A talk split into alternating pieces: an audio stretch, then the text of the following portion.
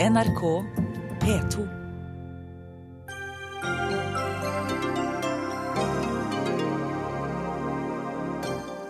Politistasjonen holder mer stengt enn åpent. Politiet er fraværende, og organiseringen er kostbar. Knusende dom over politiet i ny rapport. Utviklingsminister Heikki Holmås har talt Roma midt imot om prevensjon og abort. Belærende, mener den katolske kirke. Og TV 2 bruker First House til å kommentere valgkampen. Vanskelig å vite om de er uavhengige, sier lobbyforsker.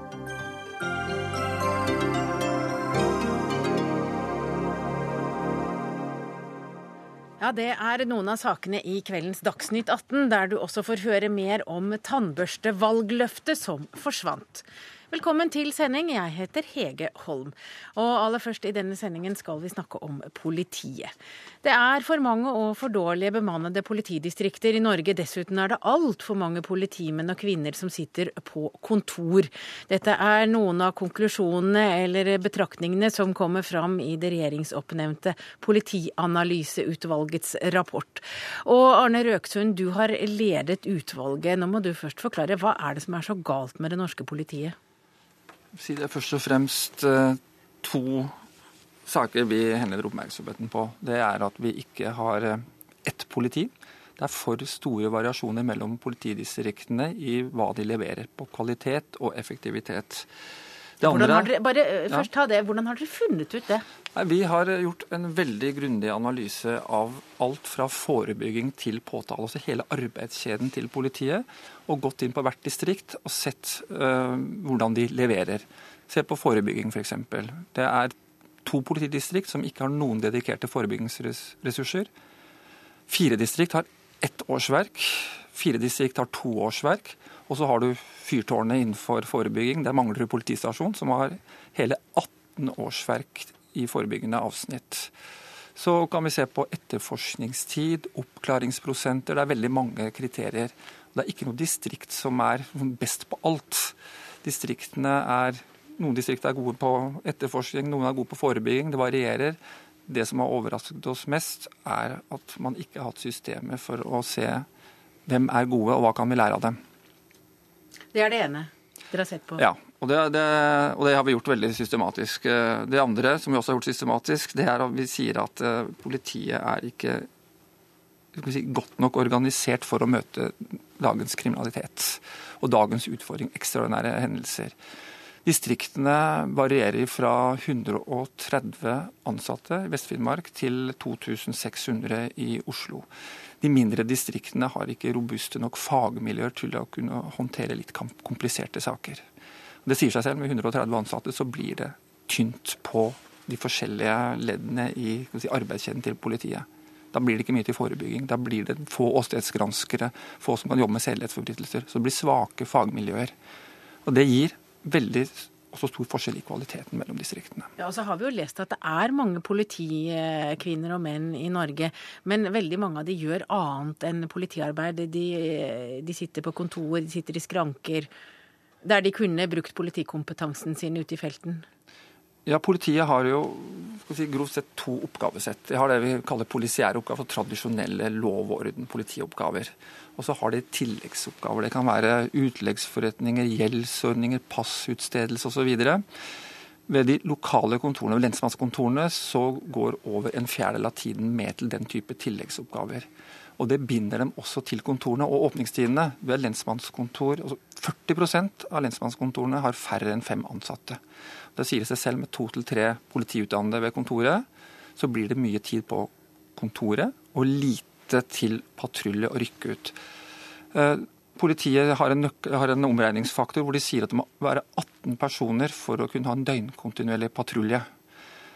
Det er eh, bare 23% av lensmannskontorene og politistasjonene som har mer enn 20 eh, ansatte. Det, vil si det er bare 23% som teoretisk sett kan sette opp en døgnkontinuerlig patrulje. Så det vi anbefaler, er å slå sammen en del av disse mindre enhetene for å få de mer faglig robuste, men også for å kunne få mer politioperativ kraft. Ja, og Dere har jo da foreslått i utvalgsrapporten å, å redusere antall politidistrikt fra 27 til 6. Ja. Men for oss som bor i distriktene, så høres jo det litt skremmende ut. Da må avstanden kan bli temmelig lang for mange til eh, der hvor politiet holder til. Avstanden for å besøke et lensmannskontor kan øke noe. Vi har eh, gjort veldig nøye simuleringer. Vi har sett på hvor skjer kriminaliteten. Altså vi har gått gjennom seks millioner hendelser de siste ni årene. Vi har 600 000 av dem er hendelser hvor det er forventa at politiet skal rykke ut. Vi har sett det opp mot folk, hvor folk bor. Og så har vi anbefalt en struktur som tar hensyn til det, for å øke sannsynligheten for at politiet faktisk er der hvor hendelsene skjer, når de skjer. Eh, da har vi også sagt at man kan redusere antall lensmannskontor politistasjoner fra 354 til 210. På den måten vil du frigjøre masse ressurser som kan omdannes til politioperativ kraft, til patruljer. Sånn sett så øker du sannsynligheten for at politiet kommer når noe skjer. Nedsiden er at du får litt lengre vei, reisevei for tjenester som du sjelden har behov for. Type pass, våpenkort osv. Ja, politibutikk, det er ikke et forslag dere har eh, Nei, vi, vi, har ikke foreslått det. Men det er åpenbart mange effektiviseringspotensial, eller stort effektiviseringspotensial innenfor politiet. Det er det. Annet velge bedre IT-løsninger. Men, men, dere har også forslag om å fjerne 140 tjenestesteder. Men eh, hvordan, altså Du sier at dere har sett på det og geografi, men hvordan sikrer dere at tilbudet opprettholdes hvis 140 tjenestesteder forsvinner? Ja, Vi mener jo at tilbudet blir vesentlig bedre. Vesentlig bedre på det som er viktig for mennesker, nemlig at politiet kommer når du har problemer. Og det er det vi gjør ved å frigjøre ressurser. Men hvordan kan det skje hvis avstandene blir mye lengre fra der de opererer? Fordi at politiet blir mer mobile, og det er det som er viktig. Og det, det kontoret flytter seg ikke. Det er bare en utgangsdisponering. Det er politipatruljene, at de kommer der når du har problemer, der du har problemer, og at de kommer med kompetente mennesker, godt utdannede mennesker. Men Røksund, vi har jo også studio her fullt av kompetente politikere som skal snakke mer om dette her. Men når du beskriver situasjonen, så høres det ut som det er veldig tilfeldig hvordan polititjenesten i Norge er organisert, og det er veldig store forskjeller. Og da tenker jeg at her må det jo sitte en ledelse som har hatt veldig liten oversikt over det feltet eh, man har ledet, og det må vel være Politidirektoratet? Det vi kan si, og det vi ser, er at, og vi er litt overrasket over, er at eh, det har vært lite sånn systematisk kunnskapsinnhenting om hvordan godt politiarbeid kan fungere. Det er mange dyktige mennesker, men de har, det har vært setter på spissen, litt anekdotebasert. Det har vært den som har litt erfaring, den som snakker høyest i forsamlingen, som har fått lov å sette tonen for hvordan dette arbeidet skal være. Det ligger veldig mye informasjon der. Politiet er pålagt å rapportere på veldig mange punkter. og Det handler ikke om et pålegg fra Justisdepartementet, men det handler om notoritet. Det handler om at man må kunne ettergå politiets uh, handlinger. Derfor ligger det veldig mye informasjon der. Den har i liten grad vært hentet opp for å effektivisere politiets arbeid og for å sammenligne på tvers, for å lære. Så mulighetene ligger der, og der kan man si at politiets ledelse nok har forsømt seg. Men dere har jo også foreslått at det skal bli et klarere skille mellom Politidirektoratet og den politiske ledelsen. På hvilken måte? Politiet har helt inntil for et par måneder siden vært ledet av politiavdelingen i Justisdepartementet og Politidirektoratet i fellesskap. Det er nå ikke sånn lenger. Vi bare poengtere at eller vi anbefaler at eh, man bør skille klart mellom dem som setter de politiske rammene, og hvem som har den faglige styringen av politiet. Så er vi også opptatt av at politidirektøren at det er et samsvar mellom ansvar og myndighet. At I dag så er det slik at eh, de fleste politilederne, altså 40 eh, av lederne under politidirektøren, utnevnes av kongen i statsråd. Dvs. Si på nivå over politidirektøren. Politidirektøren også liten mulighet til å påvirke organiseringen av politiet. Og Vår anbefaling er at en leder bør kunne både si, utnevne sine underliggende ledere og ha påvirkning på hvordan politiet organiseres, i vesentlig større grad enn i dag. Skal du stille politidirektøren til ansvar, så må man også få myndighet som tilsvarer det ansvaret. Røksund, du er med oss i studio, men nå må vi gå litt videre, for vi har også med oss leder i Politiets Fellesforbund, Sigve Bolstad. Og eh, du har lest rapporten, og der foreslås det jo bl.a. at 140 tjenestesteder eh, skal eh, legges ned. Hva tenker dere om det forslaget? Først og fremst vil jeg si at Politiets Fellesforbund har reist som et krav å få en politianalyse. Nå har den kommet i dag. Eh, og det er jeg veldig glad for. Jeg ønsker å gi ros til Arne Røksund og de øvrige som har gjort en grundig jobb og skanna norsk politi. Det var det et eh, stort eh, behov for. Når du sier at jeg leser hele rapporten, så Vel er jeg kjapp, men så kjapp er jeg ikke.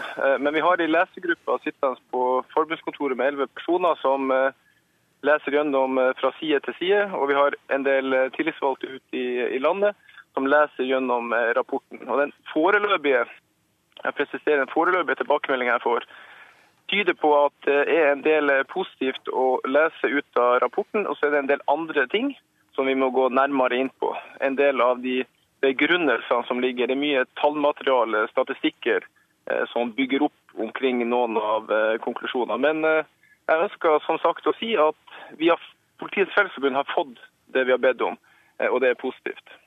Men forslaget om å legge ned 140 tjenestesteder, vil dere ikke kommentere det? Jo, det jeg vil kommentere, det er at vi, vi, vi er knalltydelige på at vi ønsker et lokalt forankra politi med en god hverdagsberedskap. Vi ønsker et robust politi og et best mulig politi for publikum. Eh, og så finnes det ikke noen enkel fasit på hvilken type organisering er best. Derfor har vi laga noen kriterier hva vi mener er best for eh, publikum. Eh, og De kriteriene har vi med oss når vi sitter og leser gjennom rapporten. Og Jeg tør ikke å forskuttere noen ting, for det er respektløst overfor folk som tross alt har sittet og gjort en jobb gjennom lengre tid. Men Har du fått noen umiddelbare reaksjoner fra medlemmene? Jeg har sprunget litt fra, fra, fra, møte til møte og pressekonferanse i dag. Men de umiddelbare reaksjonene som jeg har fått, at her er det en god del positivt eh, å lese om. Og, og, og, og så er man jo liksom stolt over at noen har brukt så mye tid på å skanne norsk politi. Altså, det i seg selv er positivt. Eh, og vi har vært kritiske til en del eh, av det man ser i norsk politi.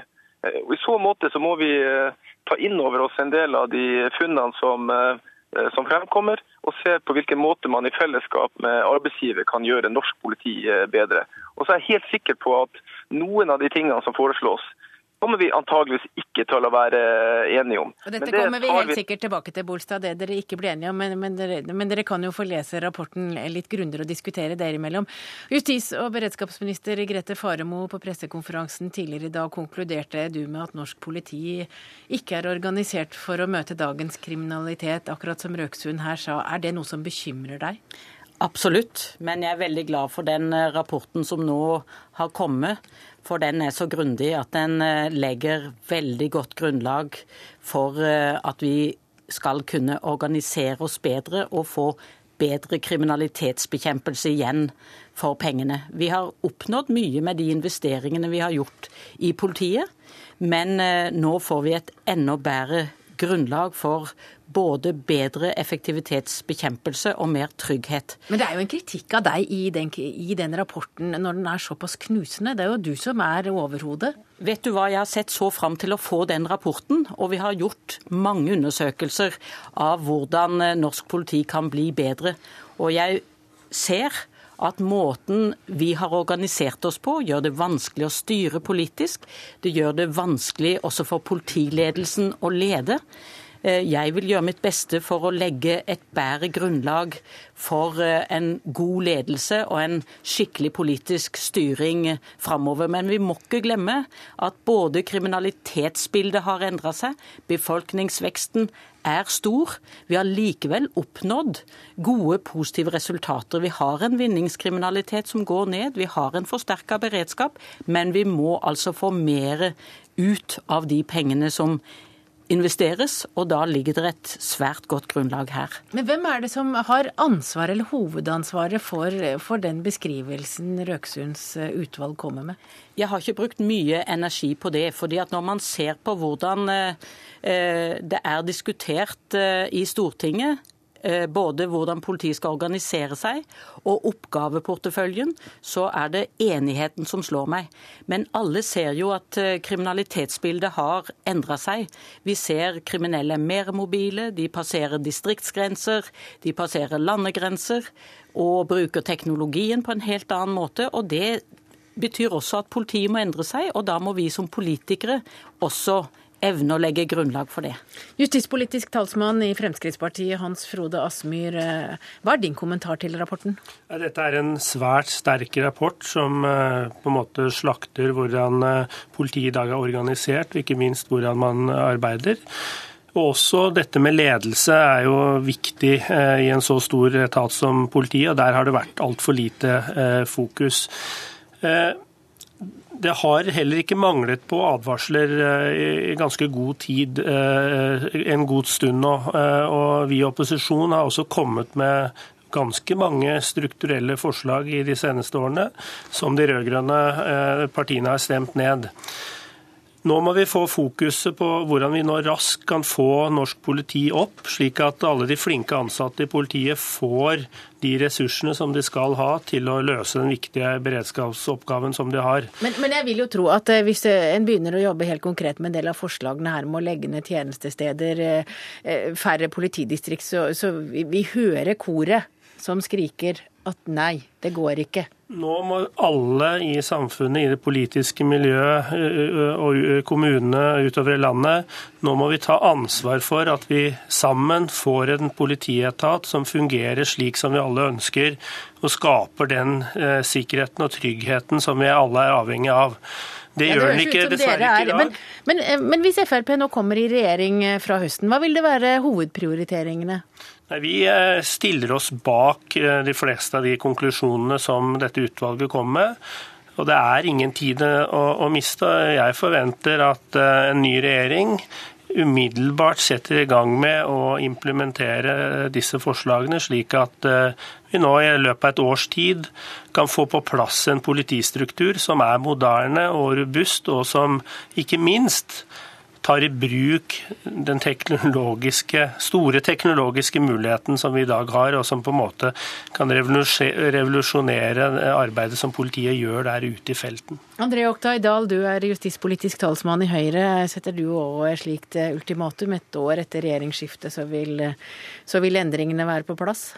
Mange endringer kan man begynne med i morgen. fordi mye handler faktisk om hvordan politiet jobber i sitt eget politidistrikt. En del ledelse. Man trenger ikke år og dag på å f.eks. sørge for at man tolker lovverket på samme måte 27 politidistrikt. Det er et stort problem at man har hatt 27 småkonger til dels, som har holdt på hver for seg. Det kan man begynne med i morgen. Men kongene sitter der jo ennå? Ja, det gjør de. Men for å si det sånn, dette er et eh, rimelig klart eh, klart budskap, for å si det mildt, til de som eh, er politimestere. Jeg har lyst til å være, si først at jeg er veldig glad for at vi fikk denne. Dessverre har vi fått denne analysen på overtid etter at eh, flertallet stemte ned tre ganger forslag fra Høyre om en politistudie.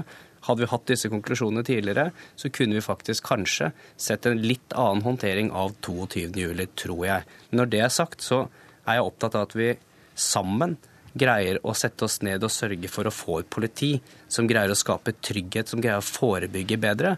Og da er vi nødt til å vurdere alle disse konklusjonene skikkelig og ha en skikkelig høring, ikke minst. Sånn at de som du kaller det hylekor, jeg tror faktisk vi skal eh, ta oss den tiden det er verdt for å få gått gjennom dette skikkelig. Det er et godt faglig grunnlag, men det er også andre faglige innspill som sikkert vil komme etter hvert, som kanskje gjør at alle konklusjonene her ikke er så krystallklare som det tyder. Men retningen er veldig riktig, nemlig flere politifolk som gjør færre oppgaver bedre. Og det er også Høyres budskap her. Men Farmod, øh, du frykter ikke at folk mister tilliten til politiet som de hadde før øh, de fikk høre om denne rapporten?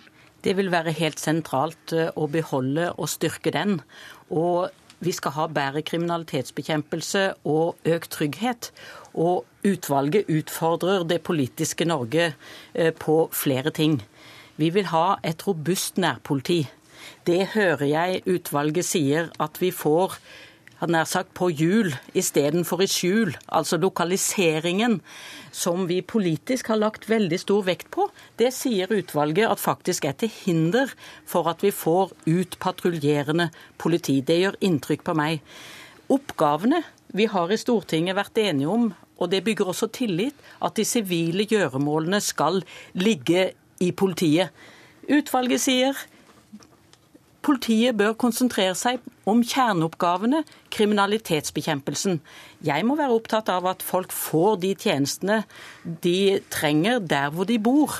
Og da må vi ta diskusjonen hvem skal levere disse ulike tjenestene. Skal vi ta noen av tjenestene ut av politiet, så må vi like fullt evne å by de godt og bedre enn før, kanskje fra andre Og her er vi rett og slett nødt til å gjøre et grundig arbeid før vi er beredt på å men, konkludere. Men hvordan skal, du, hvordan skal man bli enige om hvor du skal ha politidistrikt, f.eks.? Eh, dette er jo en Hvilke tjenestesteder som skal legges ned? Dette er jo en diskusjon vi må ta svært alvorlig. Og som jeg sier, grunnlaget må være at vi blir bedre enn før.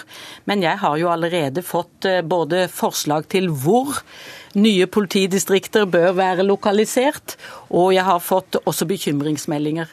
Det gjør at vi må rett og slett ta denne diskusjonen grundig. Politisk lederskap vil være påkrevet.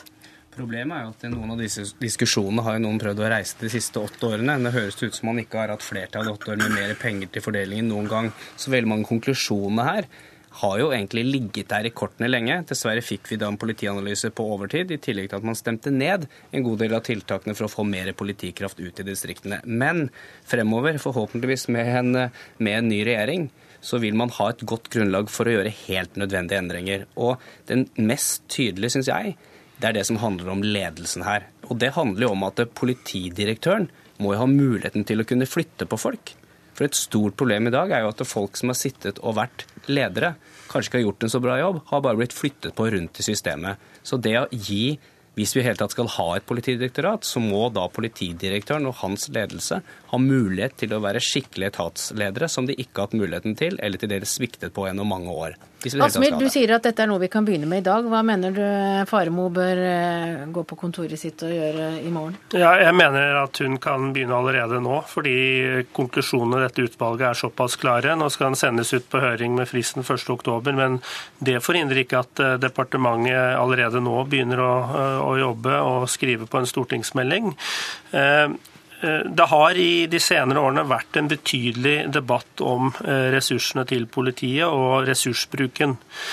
Eh, og Ansatte i politiet har jo fortalt oss når vi har vært rundt og reist, at eh, de har ikke sett noe til uh, disse pengene. Og Det har vært veldig, et veldig alarmerende budskap å få. fordi Det betyr at pengene er blitt borte uh, et sted på veien, og, og, ikke da gått til den viktige spissenden.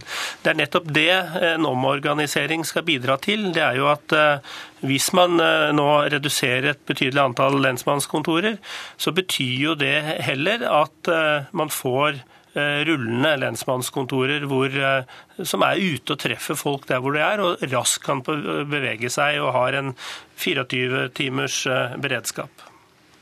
Ja, Går du tilbake på ditt kontor og starter på en stortingsmelding, Faremo?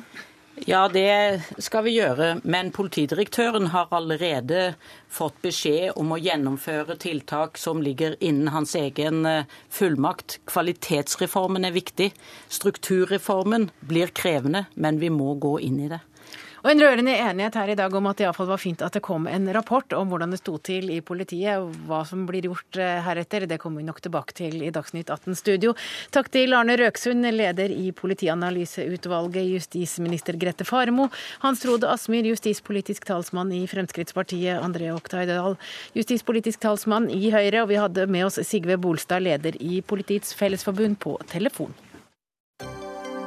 Hør Dagsnytt 18 når du vil nettradio eller som podkast. nrk.no – dagsnytt 18.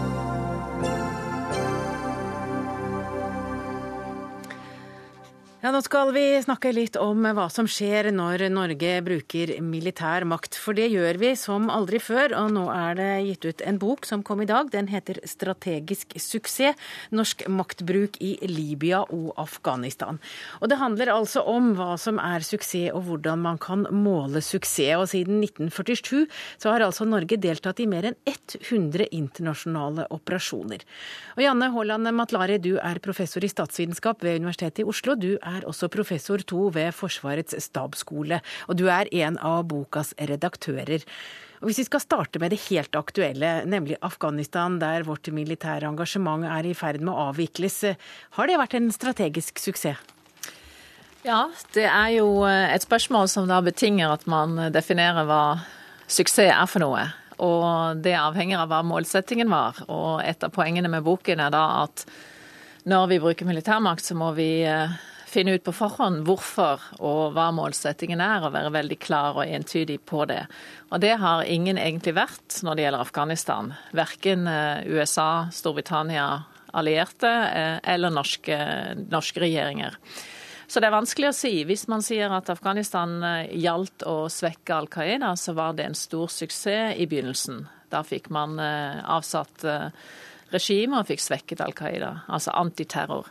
Men hvis målet var, som man ble enige om allerede i 2001, nasjonsbygging, demokratisering, utvikling, så er jo fasiten en annen. Slik at Afghanistan er et, en av de vanskeligste og mest komplekse operasjoner, og den som har vært eh, minst klar når det gjelder målsettinger. Ja, Harald Høybakk, eh, du er også med og skriver i denne boka. Du er oberstløytnant i Luftforsvaret, du er lærer ved Forsvarets stabsskole, og du har også doktorgrad i filosofi. Og du skriver kapitlet som spør om det finnes strategiske suksesser. Og er du enig med Matlaris analyse av hvordan det ser ut så langt i Afghanistan? Ja, Det jeg er enig i er at det er viktig å definere hva suksess er. og Det kan jo måles langs eh, flere akser. Eh, og Alt avhengig av hva målsettinga vår var, eh, styrer da i hvilken grad vi har lykkes med det. Så det er jeg enig i. Er det lett å måle en militærstrategisk suksess? Nei, Hvis man definerer strategi som bruk av bl.a. militære midler for å nå politiske mål, så er det jo disse politiske måla som bestemmer hvorvidt vi har lykkes eller ikke. Så grad av suksess er lik grad av oppnåelse av disse politiske målene. Men hvis disse politiske målene er uklare, eller gjerne gjensidig utelukkende, så er det klart at det er vanskelig å oppnå suksess. Ja, kanskje jeg kan si litt eh, spesifikt om hva var eh, Altså man kan si generelt så var det problematisk fordi Afghanistan først var en suksess med å endre eh, regimet, da, med å ta vekk på en måte terrorproblematikken eh, i stor grad. Så skjedde det veldig lite. Man hadde en stabilisering rundt Kabul i flere år. Og så kom da fienden tilbake. Og det er eh, det viktigste ved strategisk tenkning er jo at man har ikke en lineær tenkning at her er målet, her er virkemidlene, og så er det bare å kjøre i vei. Nei, det er en fiende, motstander, eh, en, noen som øver eh, motstand mot din vilje. Og da er jo den interaksjonen, strategien, denne dynamikken, hva gjør B hvis vi gjør A, og hva skal vi gjøre for å forhindre at B gjør det mot oss? Og det er denne dynamikken man så bort ifra. Så kom Taliban tilbake 2006. Da ble hele operasjonen mer av en eh, det vi kaller eh, opprørsbekjempelse, counterinsurgency. Og da hadde Norge et problem som andre land ikke hadde, nemlig at man eh, ikke ville akseptere oppskriften for å vinne eller for å for å ha suksess da, i den type operasjoner, nemlig ved å integrere sivile og militære virkemidler. Så vi hadde veldig, kan man si, operasjoner hvor man tok områder og drev ut Taliban, sikret områder. Det var en militær oppgave. Og så skulle det da komme ut utvikling og stabilisering politisk gjennom sivile virkemidler. Men det skjedde nesten ikke. Og der hadde norske myndigheter en nesten sånn teologisk holdning til at det humanitære rom, de humanitære aktører, de skulle ikke integreres i en strategisk plan. Og det kritiseres ikke bare her i boken av offiserer i disse kapitlene, men også av Norad, som sier at dette skillet mellom sivil og militær innsats ledet eh, antageligvis til at eh, man kun gjorde utviklingsarbeid i relativt fredelige områder. Og det var jo ikke poenget. Vi skal forlate den, Afghanistan er jo en, en eh, ganske vanskelig konflikt. Men det fins ja. enklere konflikter. Og du har jo beskrevet en, en militær operasjon eh, som eh, gikk overraskende greit, hvis man skal se det i militært perspektiv. Eh, Jan Holland Matlari, du skriver om Libya. Ja, og Libya er jo da en suksesshistorie når det gjelder militær Eh, strategi, fordi eh, man hadde en beslutningsprosess her hjemme som var veldig rask politisk, på politisk nivå. Den var, i, den var begrunnet i et veldig sterkt FN-mandat. Det var ingen motstand mot, eh, mot, aksjonen eller operasjonen, slik det hadde vært eh, når det gjaldt SVs deltakelse i første Stoltenberg, når det gjaldt Afghanistan. Og i løpet av 100 timer så var da norske fly på på plass på Kreta og klare til innsats. Og denne ene offiseren som skriver da om eh, Libya på operasjonelt nivå, hva de gjorde. Han sier heldigvis var det helg, slik at vi hadde ikke masse byråkratisk innblanding i hvordan vi gjorde dette. Vi fikk det så til. Så tilfeldig.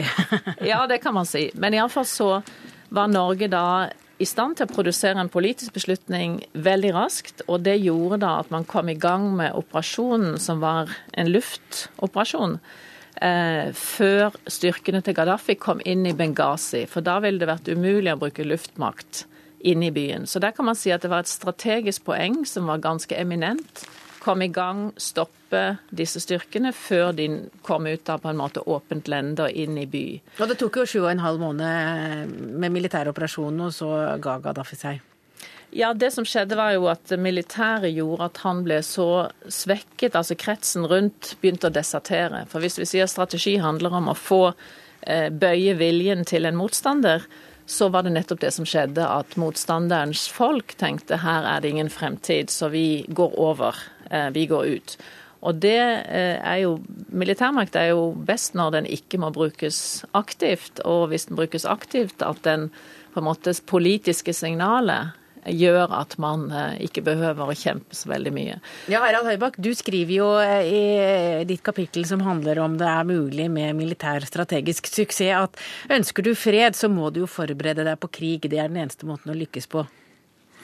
Ja, Det er jo en uh, gammel visdom, men det som er litt viktig å minne om, er at det militære middelet i, i, sin natur er jo destruktivt. Altså Det Forsvaret kan gjøre, det er å å stoppe og hindre. Men de som må bygge opp igjen, det er også andre enn en Forsvaret. så Derfor så er jeg enig i at det, eh, operasjonen over Libya sommeren 2011 var en suksess militært sett. fordi at vi fikk til det oppdraget vi hadde fått, det løste vi. Men hvorvidt Libya i fremtiden blir et godt samfunn å leve i, det er opp til libyerne sjøl å, å bestemme. da. Men, men, lar krig seg kontrollere? Altså, det høres jo ut som Libya var strategisk planlagt, og den gikk som man hadde tenkt å lykkes. og Både Gaddafi gikk av, og de sivile eh, ble beskytta. Men er det så enkelt som det høres ut?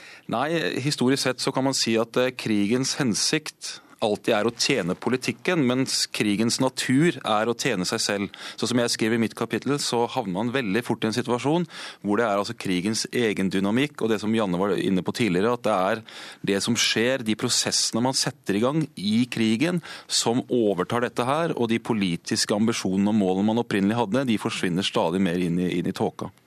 Ja, Lange kriger er derfor virkelig å unngå. Og særlig moderne demokratier som har stadig valg, så er det ingen politikere som ønsker å være 40 år i Afghanistan når man eh, skal gjenvelges. Så jeg tror det, det veldig vesentlige er jo at eh, militærmakten er dødelig, den er skadelig, den er destruktiv, den er vanskelig.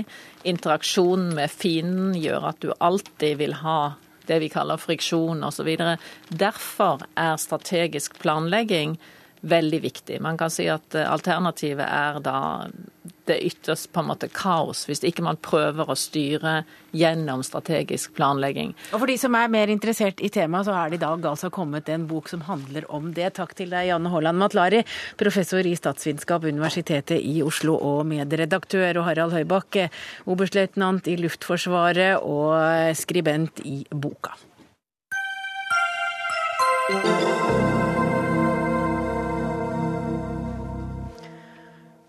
Norge er absolutt ikke et land å bo i hvis man sliter med tenner og dårlig tannhelse. Det hevder professor emeritus Einar Berg og journalist Einar Holte i en kronikk i Aftenposten. Som det eneste landet i Skandinavia så gir altså ikke Norge offentlig støtte til voksenbehandling av tenner. Og Einar Holte, du sier at norske politikere er klaprende gebissers fremste forsvarer. Hva mener du med det? Jeg mener at det er den klassiske, den jeg vil si gammeldagse måten å møte, møte tannløsningsproblemene på. Det er svært mange mennesker i Norge som har sånne problemer. Eh, det skyldes som regel periodontitt. En, ja, det er en tannkjøttsykdom. Tannkjøttsykdom. Eh, og i Norge så er det ca. Ja, det er, det, er, det er, flere hundre tusen pasienter som, eh, som lider av periodontitt i de første stadier. Eh, eh, alvorlig periodontitt i Norge rammer 100 000 mennesker, og vel det. Og det kan jo være mye annet som er dyrt hos tannlegen også enn bare tannkjøttsykdom, med jeksler og ting som faller ned og faller av og gjør vondt. Og det, kan, bli svært dyrt å gå til tannlegen. Og, og der, eh, Håkon Hauglie, du er, eh, du er helsepolitisk talsmann for Arbeiderpartiet. Dere vedtok i Arbeiderpartiet i 2009 at eh, alle hull skal tettes, og dere vil ha tak på egenandel hos tannlegen. Men, men det er et valgløfte som bare forsvant? Nei, forsvant gjorde det ikke. Men eh, jeg skulle vi hadde... i andre gode hensikter, da? Eh, nei, det er faktisk skjedd eh, mye. Men, men, jeg skulle ønske vi hadde kommet lenger enn det vi har. og det, det, det er, Men det er mye å si om denne saken. Altså, Nordmenn har god tannhelse. Og vi har historien, gjennom historien så har vi gjennom økt bruk av fluor og gjennom tannpuss, så har, er det sånn at ni av ti nordmenn har faktisk god tannhelse. I morgen skal vi behandle folkehelsemeldinga, og et viktig budskap der er nettopp at vi må tenke helhetlig rundt, rundt rundt helse. Men det er forferdelig så, dyrt å gå til tannlegen ja, hvis du må gjøre det over lengre tid? Ja, det er det. Og det vi har gjort er å løfte stadig nye grupper inn i en eh, ordning hvor de får dekket tannhelseutgifter. Og det er mange som får dekket det. Den viktigste gruppen er kanskje barn og unge som har gratis tannhelsebehandling. Og, eh, og så er det andre grupper som med alvorlige sykdommer. Men jeg skulle ønske vi hadde bedre ordninger, og vi er opptatt av å gradvis ut, uh, utvikle dette tilbudet. Men det koster penger, og all politikk handler om å prioritere. Og vi har prioritert andre ting. og Bare for å illustrere hva gratis tannhelse eh, vil koste, så er det altså rundt 10 milliarder med dagens kronebeløp hvis alle skulle få dekket alle sine utgifter. Og det er av type f.eks. av 28 000 færre sykepleiere eller 100 000 færre barnehageplasser. Dette er et kostbart løft, og vi må ta det skrittvis. I forbindelse med det siste du sa der, så kan jeg tenke meg å nevne eh, et hovedpoeng som Einar Berg og jeg har, har, sett på i forbindelse med at vi skrev en kronikk i Aftenposten i går. Eh, det var en sammenligning. Vi har hentet informasjon fra sosialdepartementene i eh, de nordiske land, bortsett fra Finland, og, og sett at svenskene har fra 2008 en, en eh, refusjonsordning som går langt utapå hva man har i Norge. Den svenske refusjonsordningen eh, er i realiteten et regelverk for skjerming av høye kostnader ved, ved tannlegebehandling. Altså høykostnadsskild, kaller de det. Og det eh, gir da pasientene en egenandel på ca. Eh, under 30 000 kroner, mens man i Norge må betale 60 000 kroner for et bestemt eh, behandlingsopplegg, nemlig eh, implantater ved periodontitt. Hva sa du at hvis du, du skal ikke betale større egenandel enn jeg mener at svenskene betaler en egenandel som er halvparten så stor som den pasienten i Norge betaler ved implantat som følge av periodontitt. Og Det er da en god del pasienter, og det tallet øker. Eh, jeg kan ikke se noen grunn til at eh, vi i Norge skal ha en politikk som eh, fører til at pasientene i Norge skal betale over dobbelt så mye for en etter hvert ganske vanlig operasjon innenfor tannhelsen. Men det er vel som mange som også lar være å gå til tannlegen fordi det koster mange penger, og de forstår at det kan bli dyrt til lengre de venter? Ja, det er det. Og jeg tror jeg vil benytte anledningen til å slå et slag for uh, et annet tiltak vi har gjennomført, og det er etableringen av en nettportal for å sjekke tannlegepriser. og Den heter uh, hva koster tannlegen.no.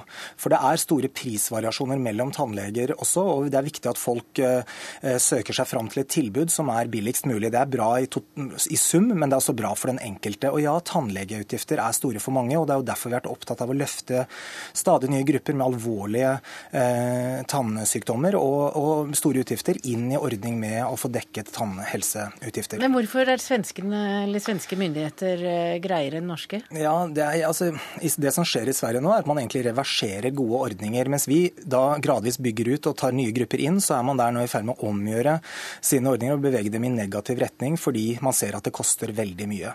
Eh, og det, Jeg som sagt kunne ønske vi hadde kommet lenger, men dette handler om at dette er veldig dyrt, og veldig dyrt å dekke alle voksne menneskers tannhelseutgifter. Jeg vil gjerne si i den forbindelsen at eh, regjeringen Reinfeldt faktisk, til eh, manges overraskelse, har, har opprettholdt den ordningen som den sosialdemokratiske regjeringen i Sverige innførte i 2008, som jeg nevnte.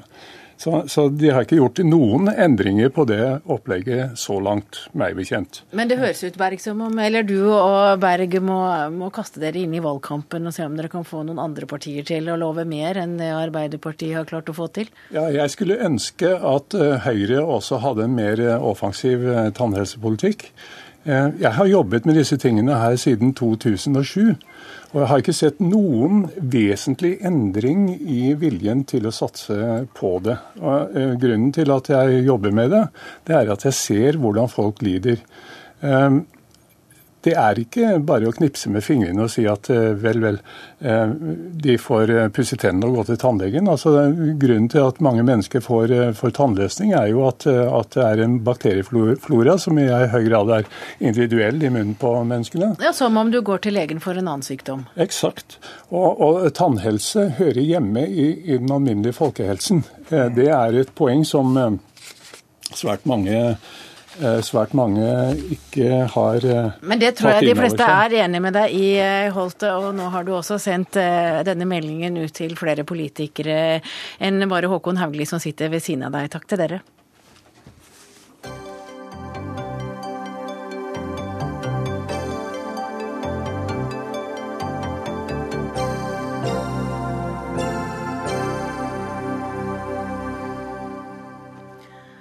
TV 2 går nye veier i årets valgkamp, for TV-kanalen har invitert fire tidligere politikere til å kommentere og analysere valgkampen i sendingene. I dag er politikerne ansatt i PR-byrå, og mange har reagert på sammenblanding av PR-byråets egeninteresser og TV 2s valgkampdekning. Og en av kritikerne er deg, Anne Therese Gullberg. Du er forsker på lobbyisme ved forskningssenteret Cicero. Hva er det du er engstelig for? Det jeg er jo engstelig for, det er at mens vi forskere alltid må dokumentere eh, både hva vi gjør, og hvem som finansierer oss, ikke minst, så vi, når jeg skriver artikler, så forteller jeg at dette er finansiert av Forskningsrådet. Når det kommer til PR-rådgiverne, så er det jo stikk motsatt. Da er det rett og slett sånn at vi vet at de har store eh, inntekter, men vi vet rett og slett ikke hvem kundene er. Og det betyr rett og slett at når disse PR-ekspertene skal fungere som eh, eksperter for TV 2, så vet ikke jeg hvem som snakker. Eh, det er utmerkede navn eh, TV 2 har kommet opp med, med her, som har god innsikt i politikk osv. Men vi vet ikke hvem de faktisk representerer. Om de representerer seg selv, firma, eller om de faktisk har noen store kunder noen store aktører som vi ikke vet hvem er, og som de benytter anledningen til å fremme interessene til. Så du frykter rett og slett at de som er invitert til å kommentere norsk valgkamp i TV 2, de vil mele sin egen kake, og at det er det som er årsaken til at de har sagt ja til å være med? Jeg vet iallfall at de får masse god PR, eh, gratis PR, av eh, TV 2 ved å stille opp. Og det er ganske stor sjanse for at disse kommentatorene kommer til å komme inn i en interessekonflikt i løpet av valgkampen. For dette er jo det er stort sett store aktører som har muligheten eh, til å benytte disse firmaene. Eh, og det er god grunn til å tro at det kommer til å komme interessekonflikter. Vi, vi som seere vil ikke vite når det er. Nettopp fordi vi ikke vet hvem kundene deres er. Og da kommer du jo tilbake til at vi vet ikke hvem kundene til PR-rådgiverne PR Men hadde du visst hvilke kunder de har, så hadde det vært greit? Ja, det mener jeg faktisk. Eh, jeg tror at eh, sånn som eh, Civita er jo en av de jeg blir fortalt at skal være med å kommentere. Ja, Kristin Clemet. Ja, det tenker jeg er veldig greit. Vi vet hva Civita er. Det er en konservativ tenketank som også, så vidt jeg har skjønt, har åpne giverlister. Da vet vi hvem som snakker. Hvis dere hadde invitert gamle avdankede, avdankede politikere som nå jobber i LO og NHO f.eks., så hadde vi visst hvem som snakket. Men nå vet vi ikke hvem som snakker, fordi hem, eh, altså, de har hemmelige kundelister. Redaksjonssjef for TV 2s valgredaksjon, Anne Weider Aasen. Hvorfor har dere valgt å inkludere ja, De er jo bl.a. lobbyister i eh, deres krets av valgkampeksperter. Vi har valgt å, å, velge disse ekspertene som vi ønsker å intervjue gjennom valgkampen, nettopp fordi at de har en helt unik innsikt i det politiske spillet og i politisk strategi.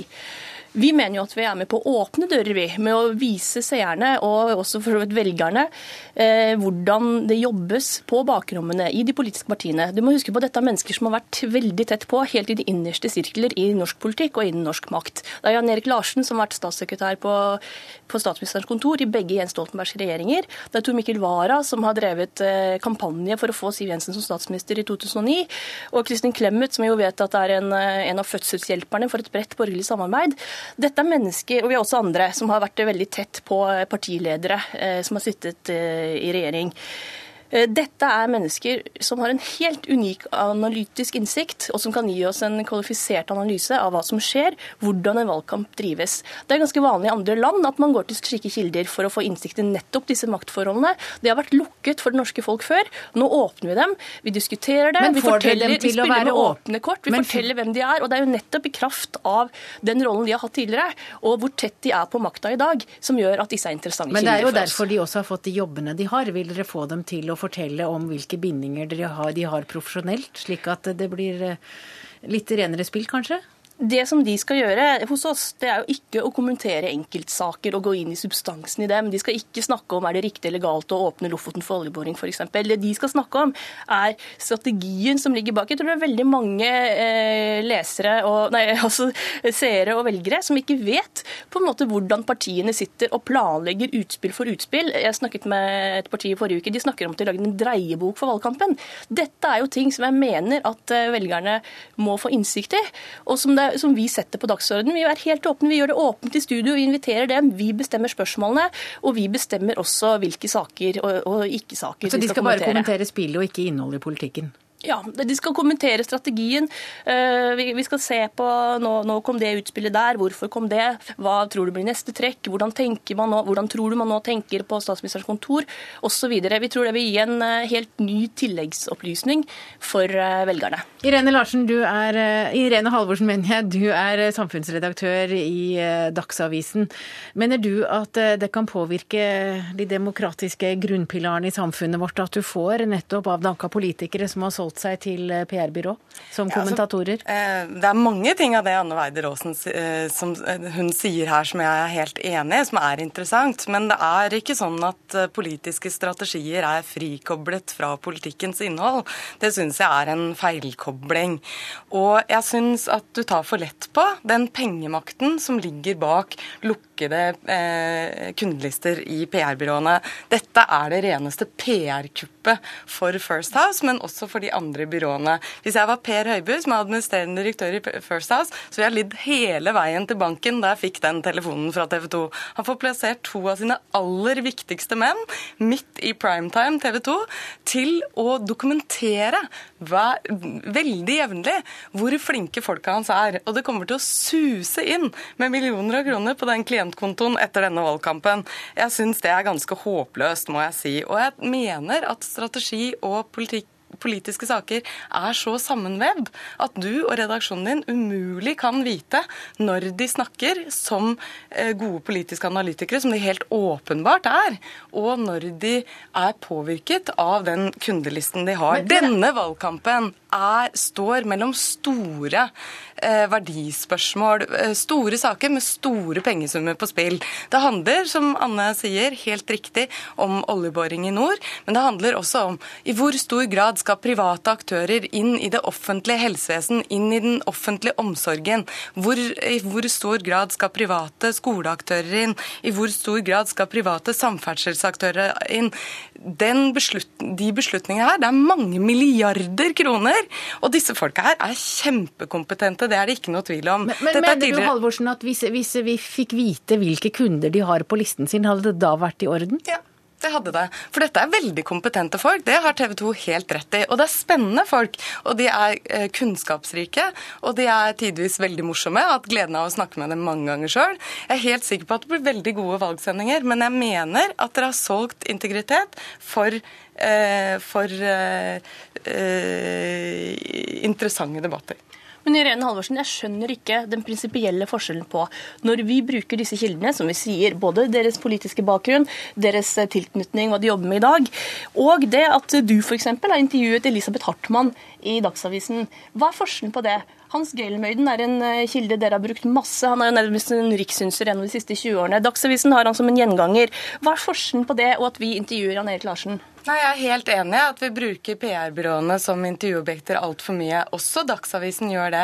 Men vi bruker det ikke som kommentatorer på de store, alvorlige spørsmålene i, liksom, i en verdivalgkamp. Og dessuten så har jeg lyst til å si at det pågår en kjempestor maktforskyvning i vårt samfunn i dag. PR-bransjen er i voldsom vekst. Det flyttes penger og makt fra de offentlige arenaer og inn i de lukkede rom. Og de kildene som dere bruker nå, er i vesentlig grad aktører i den maktforskyvningen. Og det syns jeg TV 2 tar for lett på. Dere er en stor og kjempeviktig aktør. Norges eneste reklamefinansierte allmennkringkaster. Dere har et stort ansvar for det dere gjør i valgkampen. Og dere vil bli fulgt. Ja, selvfølgelig blir det fulgt, og vi hilser også denne debatten velkommen. Vi syns det er kjempefint at det blir en, en uh, etisk debatt rundt dette. Men det, det jeg syns at man må, må, se på, du innrømmer jo selv at dere bruker PR-eksperter hele veien. Vi bruker advokater som kilder. Vi, uten, det gjør alle medier, uten at det kommer noen faktaboks med 'her er alle klientene vedkommende har'. Da må man jo gjøre det likt for alle, eller tenke at eh, ok, nå skal vi slutte å bruke folk uten at vi har uh, hele kundelista deres. Uh, jeg syns det blir liksom å snu det litt på hodet. Selvfølgelig, vi skal være kildekritiske til dem. De er ikke våre kommentatorer, de er noen eksperter. Vi har gjort avtale med at vi ønsker å intervjue fordi de har en helt unik innsikt eh, i det politiske spillet, helt til topps. Rett inn i makta. Og da mener jeg at det er riktig at vi lar de stemmene få komme til orde, og at folk får innsikt i det problemet med det Jeg er helt enig med både deg og Irene her, at dette er kjempe, kjempemorsomme kilder som vi har lyst til å høre mer av. Men så lenge de har hemmelige eh, kundelister, så er det helt umulig for oss som seere eller som velgere å vite om de gir kommentarene sine for å oppnå fordeler for sine egne kunder. Og vi vil uansett aldri kunne la være å stille det spørsmålet.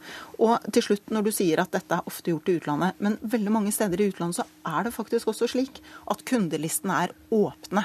Og det er essensen her. Kundelistene må være åpne, og da må de gjerne delta. Anne Weider Aasen, dere har fått uh, disse kommer gratis til dere. De bruker av uh, fritida si for å komme til dere. Eh, kan dere ikke stille det kravet at kundelistene skal være offentlige for at de skal få delta? For det vil gjøre det til et mer ryddig løp? Det å komme til dere er vel så mye verdt at eh, det å komme til alle medier er jo masse verdt. Det å komme til Dagsnytt 18 er jo masse verdt. Altså alle, alle offentlige opptredener som eh, personer i ulike posisjoner gjør i dag, har jo eh, krav? en markedsverdi. Vi har gått opp løypa med dem om hva slags saker de skal kommentere, og vi mener at det de skal fortelle, det burde være et egentlig større problem for partiene. Eh, at de skal fortelle oss hva som skjer i de lukkede rom rundt partiene, rundt det, det vi kommer annen... til å se i dette skjebnevalget. Men, men det, er en helt annen sak, det er vi alle enige i at det syns vi er spennende. Men kundelistene blir altså ikke offentliggjort i faktabokser på TV 2? Det blir det nok ikke, nei. Takk til deg, Anne Weider Aasen, redaksjonssjef for TV 2s valgredaksjon, Anne Therese Gullberg, forsker i Cicero og ekspert på lobbyister, og Irene Halvorsen, som er samfunnsredaktør i Dagsavisen.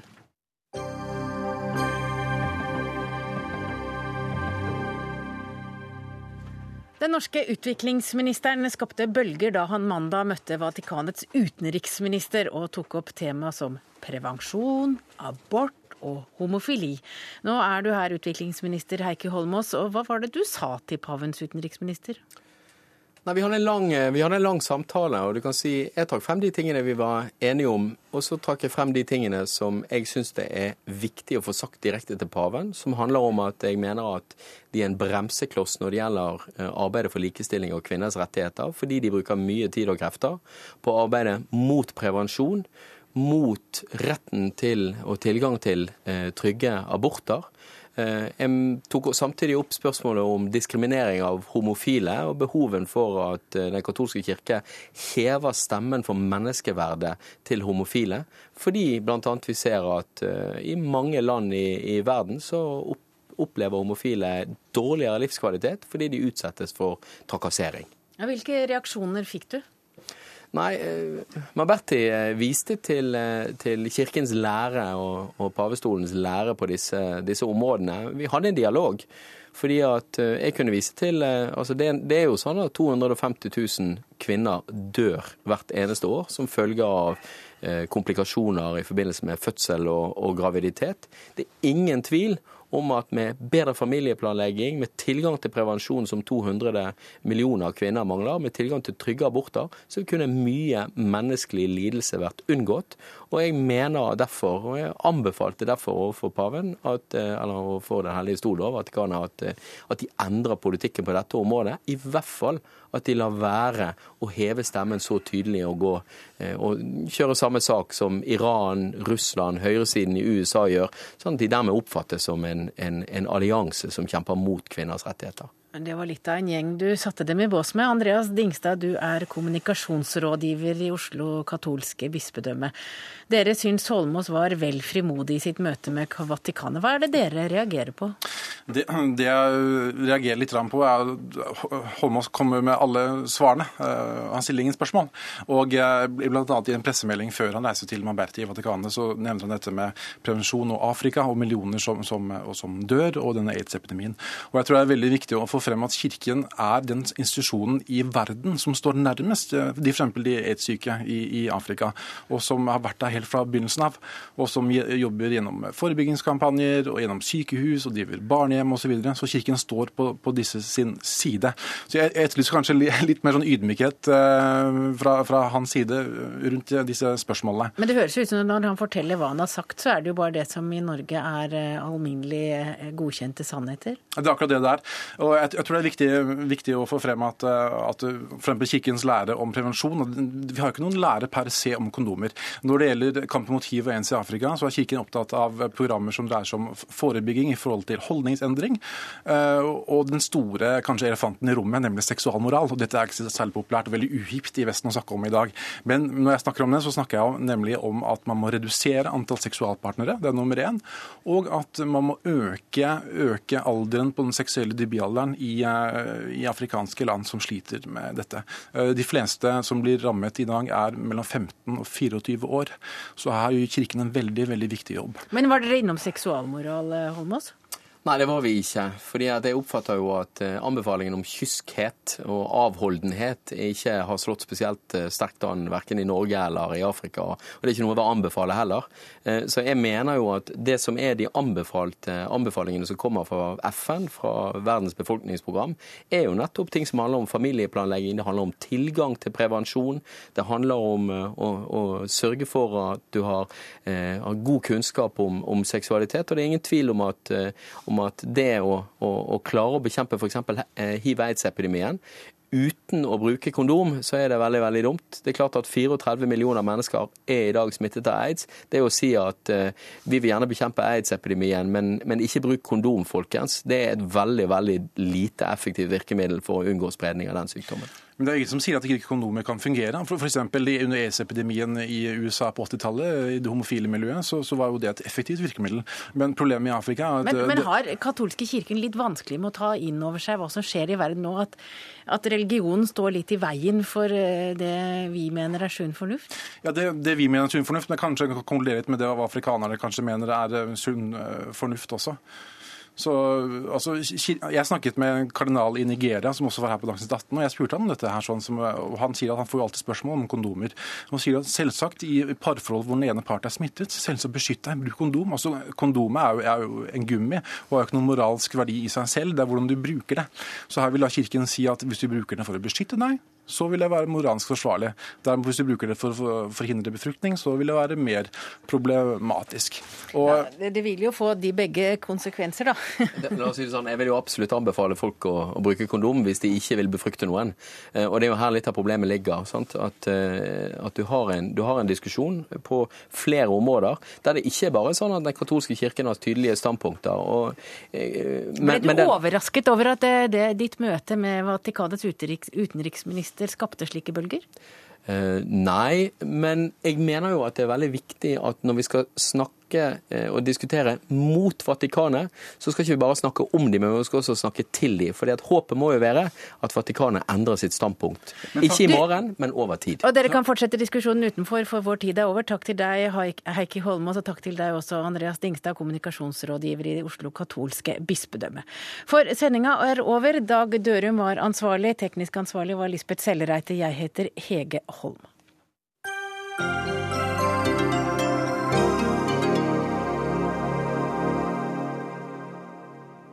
Hør flere podkaster på nrk.no podkast.